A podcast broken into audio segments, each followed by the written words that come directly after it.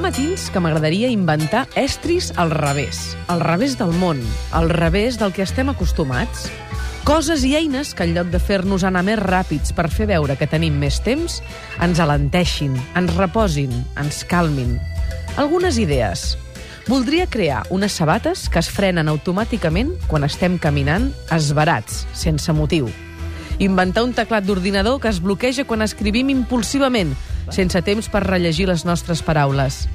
Pensar la manera de fer que el menjar es solidifiqui a la nostra boca i perdi tot el gust quan mengem sense gaudir. Idear un comandament a distància que explota quan es fa zàping sense control. Aconseguir la manera que el telèfon mòbil es bloquegi quan es fan més de dues coses alhora, mentre parlem.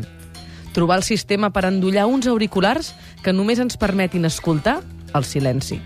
Fer un llit que no es destapi fins que la persona que hi dorm ha descansat 8 hores seguides com a mínim. O un seient intel·ligent pel cotxe que, quan hi hagi caravana, et faci un massatge a les espatlles.